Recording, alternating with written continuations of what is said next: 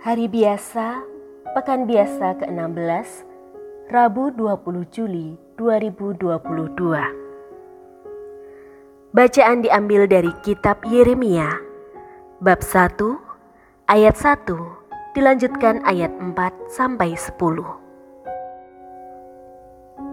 Inilah perkataan Yeremia bin Hilkiah dari keluarga imam yang tinggal di Anatot di tanah Binyamin. Pada zaman Raja Yosia, turunlah sabda Tuhan kepadaku sebagai berikut. Sebelum aku membentuk engkau dalam rahim ibumu, aku telah mengenal engkau. Dan sebelum engkau dilahirkan, aku telah menguduskan dikau. Aku telah menentukan dikau menjadi nabi untuk berbagai bangsa. Maka aku menjawab, Ah Tuhan Allah, sesungguhnya aku tidak pandai berbicara, sebab aku ini masih muda belia.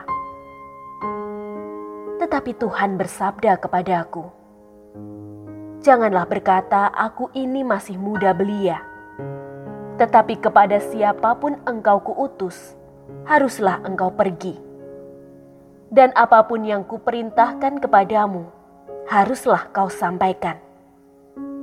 Janganlah takut kepada mereka, sebab aku menyertai engkau untuk melepaskan dikau. Demikianlah sabda Tuhan. Lalu Tuhan mengulurkan tangannya dan menjamah mulutku. Ia bersabda kepadaku, Sesungguhnya aku menaruh sabdaku dalam mulutmu. Ketahuilah, pada hari ini aku mengangkat engkau atas bangsa-bangsa dan kerajaan-kerajaan untuk mencabut dan merobohkan, untuk membinasakan dan meruntuhkan, untuk membangun dan menanam. Demikianlah sabda Tuhan.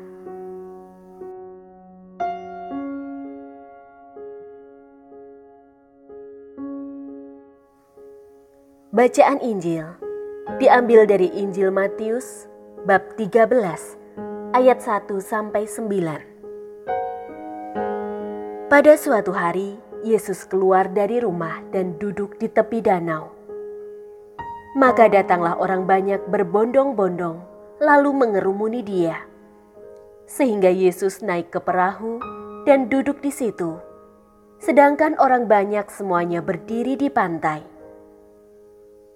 Yesus mengajarkan banyak hal kepada mereka dengan memakai perumpamaan-perumpamaan. Ia berkata, "Ada seorang penabur keluar menaburkan benih.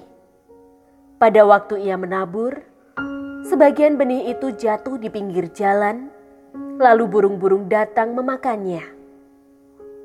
Sebagian jatuh di tanah yang berbatu-batu, yang tidak banyak tanahnya." Lalu benih itu pun segera tumbuh karena tanahnya tipis.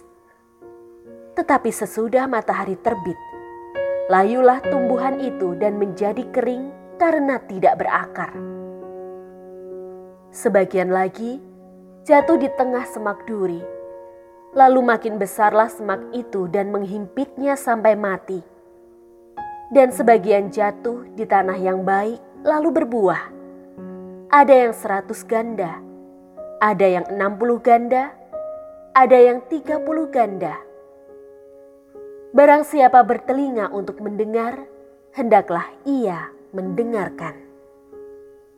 Demikianlah sabda Tuhan.